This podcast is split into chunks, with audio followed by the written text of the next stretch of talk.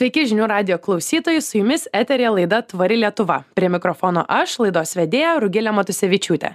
Praėjo daugiau nei trys metai nuo Europos žaliojo kurso pristatymo dienos. Todėl šiandien laidoje kartu su Eurokomisaru Virginijumi Sinkevičiumi kalbėsime, kaip Lietuvai sekasi eiti žaliojo kurso keliu ir įgyvendinti mums keliamus tikslus bei reikalavimus kovoje su klimato kaita.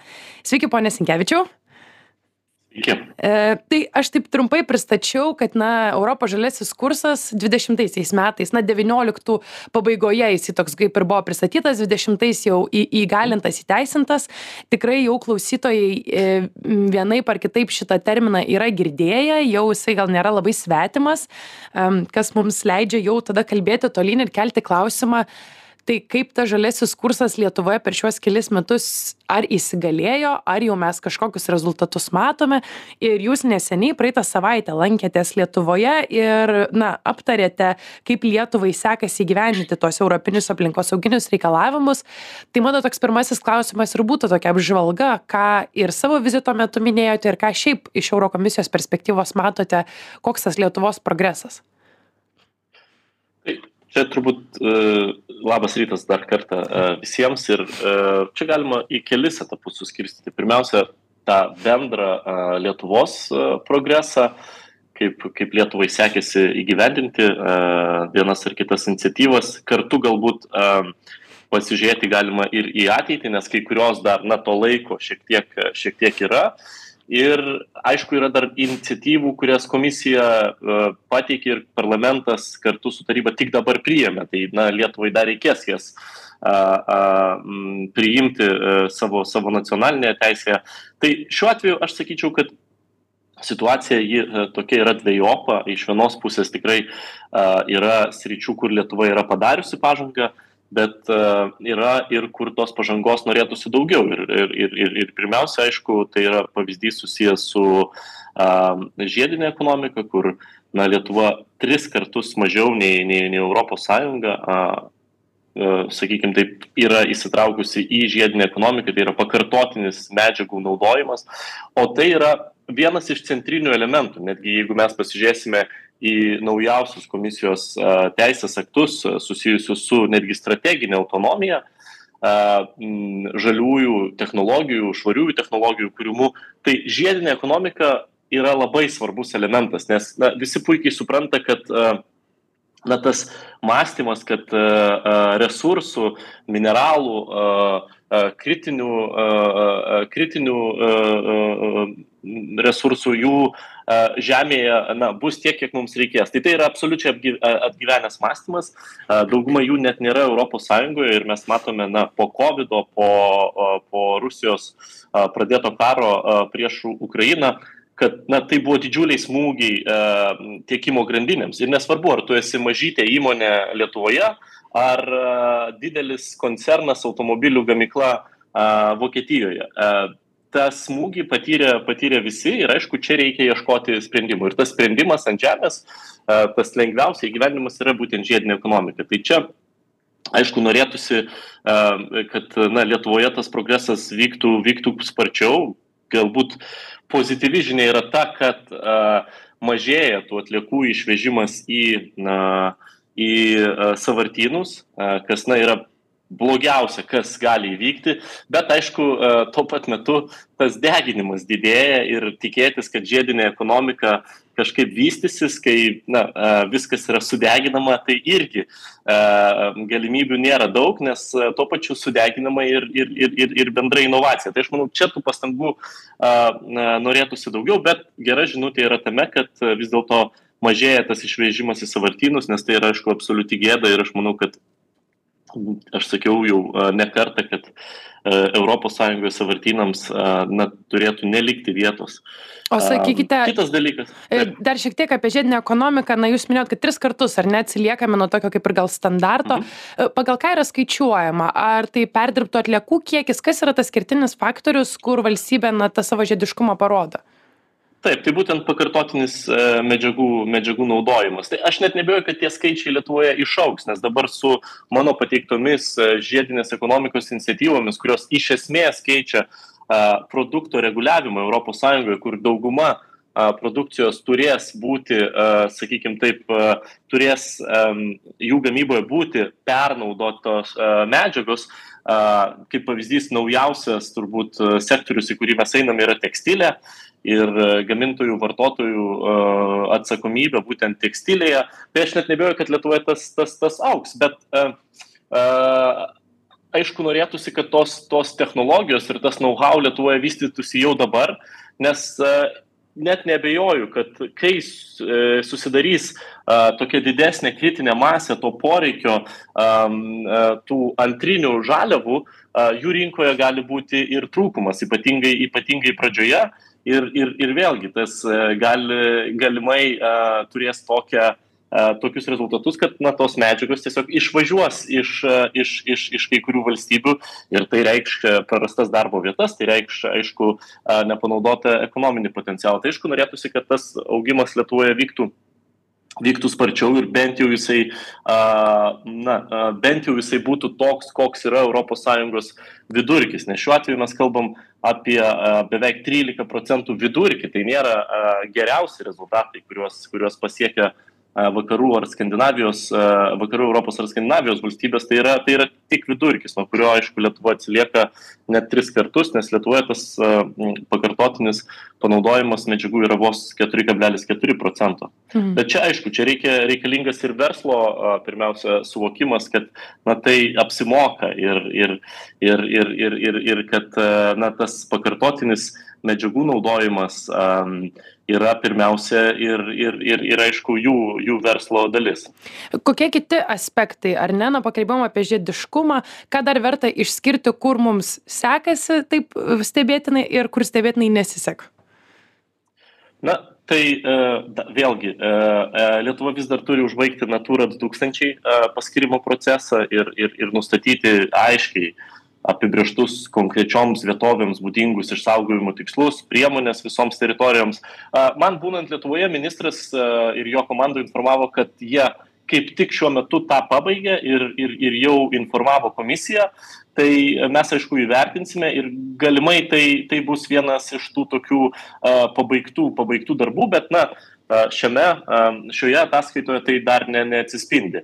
Tai, tai aš tikiuosi, nes tai yra labai svarbus, aišku, darbas, žiūrint į būtent bioįvairovės strategiją, tiek ES, tiek galų galiu ta strategija buvo mūsų ir vienas pagrindinių dėrybinių svertų jau COP15 susitikime Montrealė, kur buvo pasiektas pasaulinis susitarimas. Ir, na, sakykime taip, daug valstybių žiūrėjo į Europą, į Europos Sąjungą ir, ir, ir progresą Europoje, tai na, norėtųsi, kad būtent tai, ko mes labai didžiuojamės, tai yra Natūra 2000 tinklas, jis būtų, jis būtų pabaigtas. Ir su tuo, aišku, susijusi bendrai e, biologinės įvairovės e, e, būklė Lietuvoje, tai čia reikia daugiau pastangų ir, ir investicijų, nes dviejų trečdalių ES saugomų buveinių išsaugojimo būklė nepalanki.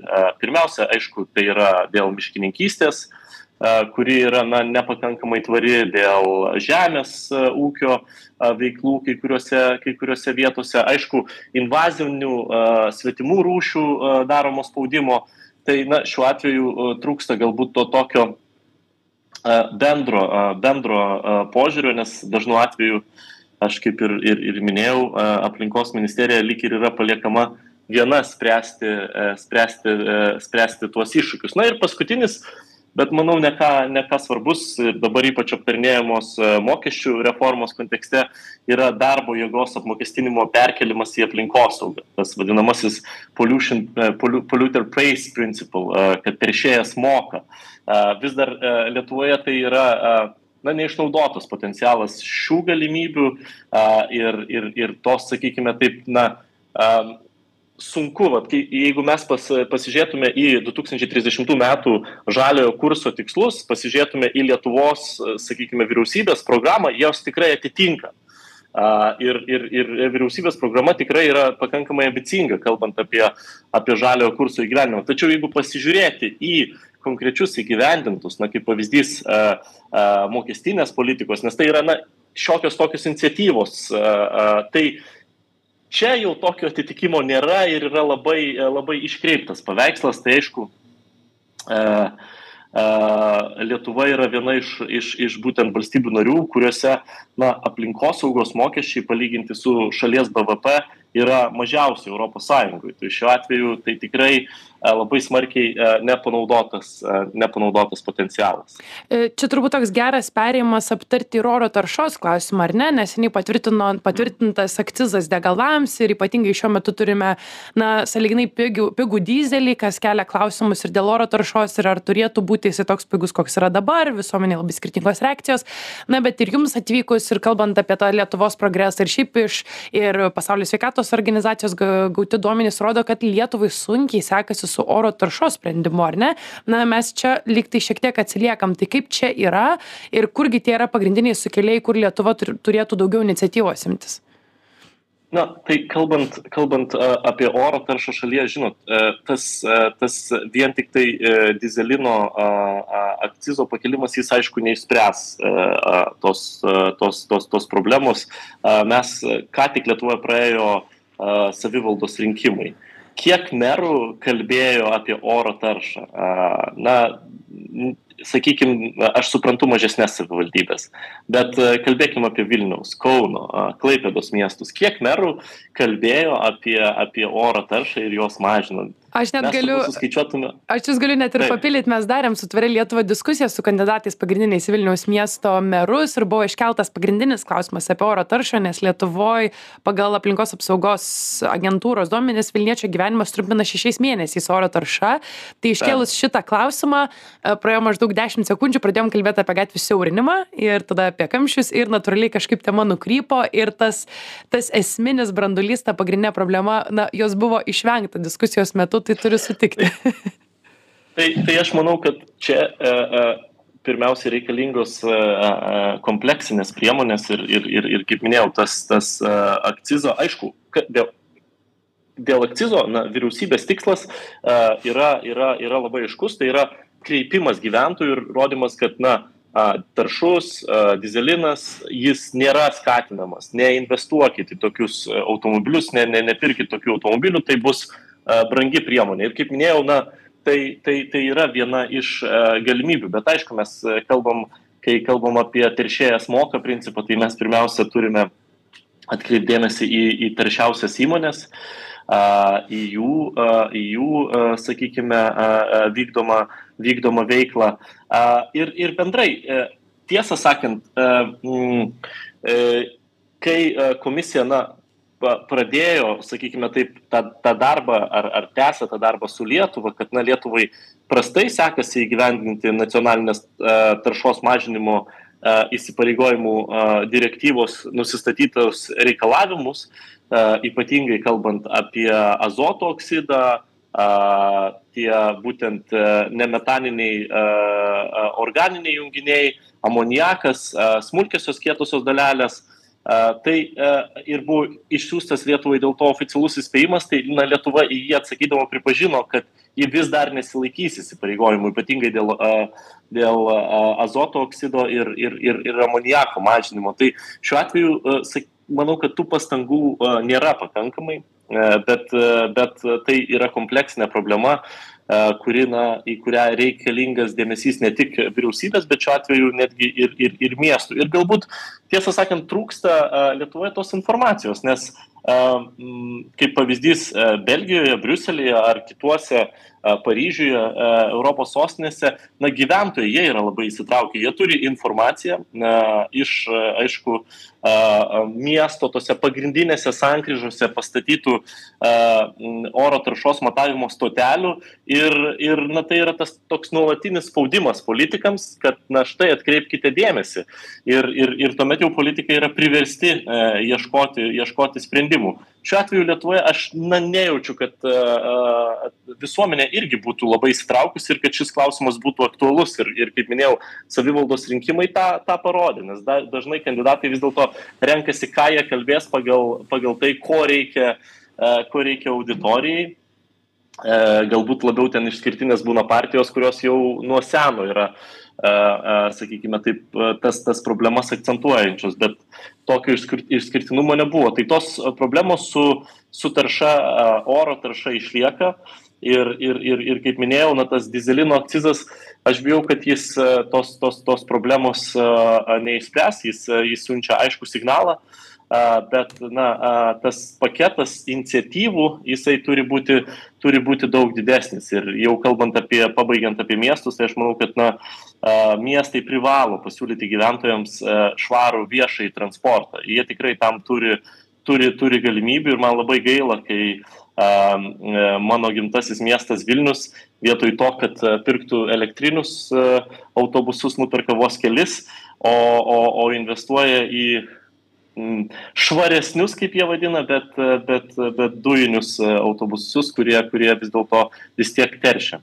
Nesiniai įsijungusiems radiją primenu, kad eterėje girdite laidą Tvari Lietuva ir šiandien kartu su Eurokomisaru Virginijumi Sinkevičium kalbamės, kaip Lietuvai sekasi eiti žaliojo kurso keliu ir įgyvendinti mums keliamus tikslus bei reikalavimus kovoje su klimato kaita.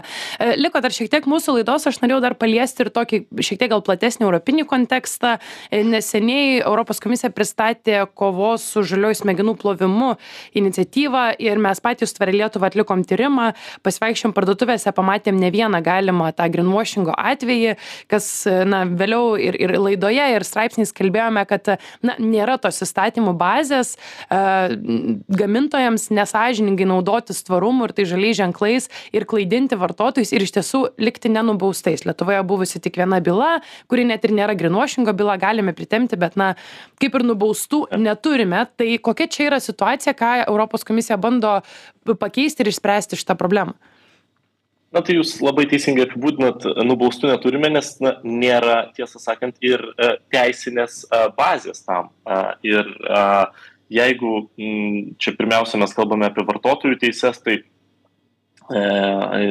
yra labai nesunku pasakyti, kai pavyzdys jūs nusiperkate vandens buteliuką, kad na, jisai pustuštis jums parduotas, bet kaip tas vanduo išgautas ir labai dažnai yra kalbama apie ekosistemoms palankius būdus, nulinės emisijas ir panašiai, to įrodyti, tą įrodyti yra labai sudėtinga.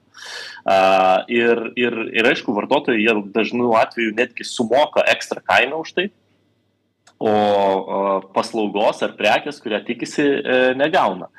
Ir e, mes e, rengdami iniciatyvą taip pat atlikome labai platų tyrimą, užklausėme informacijos, aišku, įmonių, kurios na, naudoja vienus ar kitus, vienas ar kitas tas žaliasias etiketes. Ir 40 procentų įmonių net nesugebėjo pateikti informacijos ar, ar, ar, ar kažkaip tai paaiškinti, įrodyti, kaip vis dėlto taip, taip, taip yra ir, ir, ir kodėl jie teigia, kad, kad jų produktas ar prekia yra aplinkai draugiški. Dalis uh, sakykim taip, e, slepia tas detalės ir tie būdai e, žaliojo smegenų plovimo yra labai sofistikuoti, kaip pavyzdys, jūs perkate marškinėlius, kurie skelbėsi esą pagaminti iš perdirbto plastiko, dažniausiai didelis paveiksliukas butelio ir, ir, ir panašiai, o paaiškėja, kad tai yra vos vienas procentas iš, iš, iš, iš, iš, iš, iš, bendro, iš, iš, iš bendro audinio. Tai Šiuo atveju, ką komisija siūlo, tai aiškias taisyklės. Aiškias taisyklės, kur įmonės turės nurodyti žaliuosius būtent tuos pareiškimus ir juos įrodyti. Tai šiuo atveju realiai tai yra savanoriška schema, tai įmonės tos, kurias nenori įrodinėti, nenori naudoti žaliųjų pareiškimų, jos galės to nedaryti ir tai taikoma tiek ES įmonėms, tiek importuojančios, bet tos, kurios norės tą padaryti, jos privalės tą padaryti akredituotose. Uh, akredituotose įmonėse, akredituotose žaliųjų pareiškimų tose na, tiekėjose, kaip mūsų pavyzdys yra geriausias, yra tas vadinamasis EU Ecolabel, per 30 metų jau, jau, jau veikianti labai ne, neblogai tarp europiečių žinoma etiketė per 300 tūkstančių prekių yra, yra sertifikuota ir, ir čia bus svarbiausia, aišku, metodologija, kuri bus na, reikalinga ir, ir, ir privalės būti, turės turėti, sakykime taip, tiek duomenis, tiek mokslinį pagrindimą. Jeigu, sakykime, įmonės, dažnai mes matome tai ant lėktuvų bilietų, kai sakoma, kad tai yra emisijoms neutralus skrydis, tai na, jos turės pateikti visą informaciją, kad tai na, yra emisijoms neutralus, nes uh, yra, sakykime, taip išperkamos tos emisijos, naudojant, naudojant emisijų pirkimo schemas ir, ir, ir, ir, panaši, ir, ir panaši informacija. Dauguma dauguma uh, tų žaliųjų pareiškimų uh, etikečių bus uždrausta, nes, kaip minėjau, kadangi jos neturi E, e, neturi jokio pagrindo, neturi metodologijos ir na, tai yra tiesiog e, gražus logotipas ar piešinėlis, tai na, jie bus uždrausti ir jeigu į rinką norės ateiti naujas žaidėjas ir, ir, ir, ir, ir siūlyti kažkokią patvirtinimo schemą, jisai aišku privalės, privalės akredituotis. E, tai šiuo atveju e, aš manau, kad e, jau netrukus dviejų, trijų metų perspektyvoje, kai bus galutinai priimtas šis įstatymas, na, europiečiai pagaliau galės pasitikėti to, tuo vadinamoju ženklinimu, galbūt jo ženkliai ir sumažės. Ir, ir jis dings nuo kai kurių prekių, bet tai taip pat manau, kad ir sąlygos ir pigesnė prekė Ir, ir aišku, aš manau, kad tai labai svarbu yra ir verslams, ypatingai tiems sąžiningiems, kurie, kurie iš tiesų praeina tą, tą, tą visą kelią, kuriems, kuriems tikrai rūpi ir jie yra savo strategijose nusimatę tiek klimato neutralumą, tiek, tiek, tiek, tiek žalinimą. Ir dabar jie buvo tiesiog na, priversti konkuruoti su, su tais, kurie atvirai kirzdavo kampus ir, ir, ir nelabai ten jiems kas daugiau rūpėdavo nei pelningumas. Tai šiuo atveju manau, kad laimės, laimės iš šitos iniciatyvos visi. Mhm. Tai liko iš tiesų vos viena minutė šiek tiek laidos, bet dar labai norisi apie tą ateitį aptarti, ar ne, artėja kopas, e, irgi Lietuva kaip ir yra ES dalis ir atstovaujame kopę kartu su ES. Pakalbėjom šiek tiek, kad ir, na, greenwashing įstatymai griežtesni, žiedinė ekonomikai mums reikia pasitemti. Ko dar Lietuvai, na, reikėtų laukti, ko galime tikėtis ateinant iš Europos komisijos kažkokių prioritetų, temų, gairių, kurios ateityje taps svarbios tame žaliajame kurse? Na tai aš, aš manau, kad tas COP28, kuris, kuris artėja ir Lietuvai, ir bendrai ES, tai šiuo atveju mes jau fokusuosimės į gyvendinimą, nes per tuos trejus metus mes pateikėm ne tik ambicingus planus, bet įstatymus. Priimtas visas paketas, vadinamasis Fit for 55, na, kuris mes esame pirmieji pasaulyje, kurie turi ne tik ambiciją, išsikeltą tikslą, bet uh, įstatymą ir, ir, ir, ir reguliuojantį kiekvieną sritį, kaip mes uh, pasieksime tų 55 procentų uh, išmetimo CO2 išmet, išmetimo sumažinimo. Tai šiuo atveju mūsų pagrindinis fokusas bus į, į įgyvendinimą, į, aišku, mes pateiksime, pateiksime jau pagaliau savo planus, atnaujintą uh, atnaujintų šalies įsipareigojimus, tos vadinamosius NDCs e, ir, ir aišku, finansavimas, nes šiuo atveju kai kurie partneriai na, turi įgyvendinti savo įsipareigojimus, ypatingai kalbant apie įsipareigojimus e, besivystančioms šalims, nes na, pažadai e, tame pačiame Paryžiaus sustarime buvo labai gražus, bet jie dar nėra įgyvendinti ir tas, manau, mūsų požiūriu, ES požiūriu stabdo reikalingą progresą ir mes rizikuojame, kad na, vis dėlto mes negalėsime išlaikyti to 1,5 laipsnių Celsijaus tikslo. Mm, tai žodžiu, mažiau žodžių, daugiau darbų e, nusimato ateinančiais metais. Tai ta proga ir pabaigsime šiandienos mūsų tvari Lietuva laidą. Klausytojams dėkojame, kad klausotės. E, kaip visada su jumis eterė buvo laida Tvari Lietuva ir šiandien kartu su Eurokomisaru Virginijumi Sinkevičiumi kalbėjomės, kaip Lietuvai sekasi eiti žalio kurso keliu, įgyvendinti mums keliamus tikslus kovoje su klimato kaita. Šiek tiek palėtėme ir ateities scenarius, kas mūsų laukia, įstatymai, reikalavimai ir pokyčiai. Ačiū klausytojams ir ačiū ačiū eurokomisarui ponui sinkevičiui už pokalbį. Dėkui